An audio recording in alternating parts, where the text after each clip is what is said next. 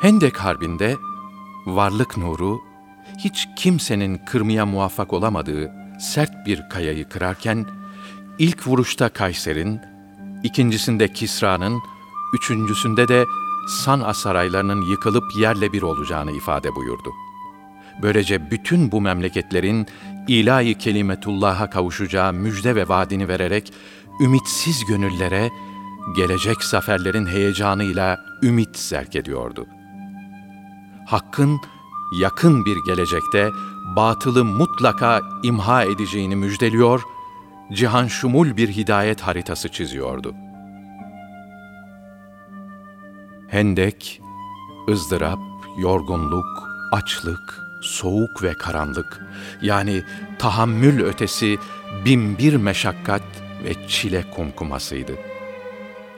Allah Resulü sallallahu aleyhi ve sellem, Allah'ım, hayat ancak ahiret hayatıdır. Ensar ve muhacirine nusret eyle. Niyazıyla dünyadaki bütün ızdırap ve yorgunlukların ahiret sonsuzluğu karşısında değersizliğini ifade ederek ashabına ahireti hedef gösteriyordu.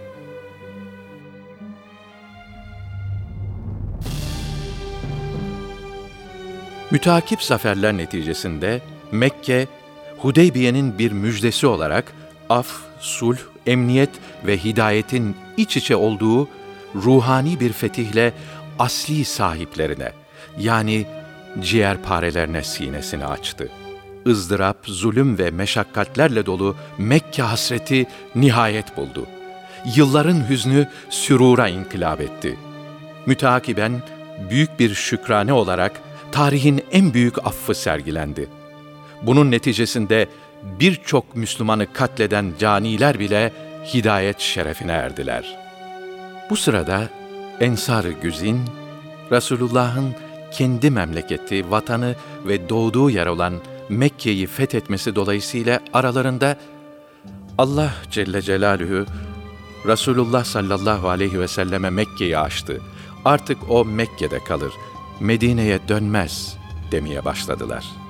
Ensar'ın sadece kendi aralarında bu şekilde konuşmalarına rağmen Allah Resulü sallallahu aleyhi ve sellem onların düşüncelerini kendilerine haber verdi. Mahcup olup itiraf ettiler. Bunun üzerine Resulullah sallallahu aleyhi ve sellem Ensar'a böyle bir şey yapmaktan Allah'a sığınırım. Hayatım da ölümüm de sizinle olacaktır buyurarak kâbına varılmaz bir vefa örneği sergilediler. Tekrar Medine-i Münevvere'ye döndüler. En nihayet veda haccında son ayet indi. Dinin tamamlandığı, kemale erdiği bildirildi.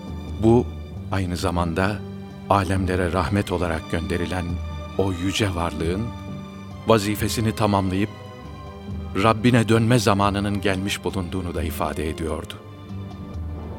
Varlık nuru sahabisinden dini tebliğ ettiğine dair ashabım tebliğ ettim mi?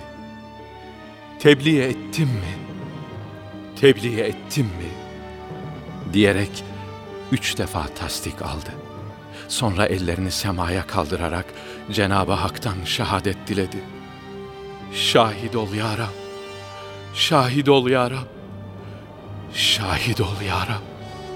Böylece 23 senede gelen mukaddes emanet, kıyamete kadar gelecek ümmete bir rahmet olarak tevdi edilmiş oldu.''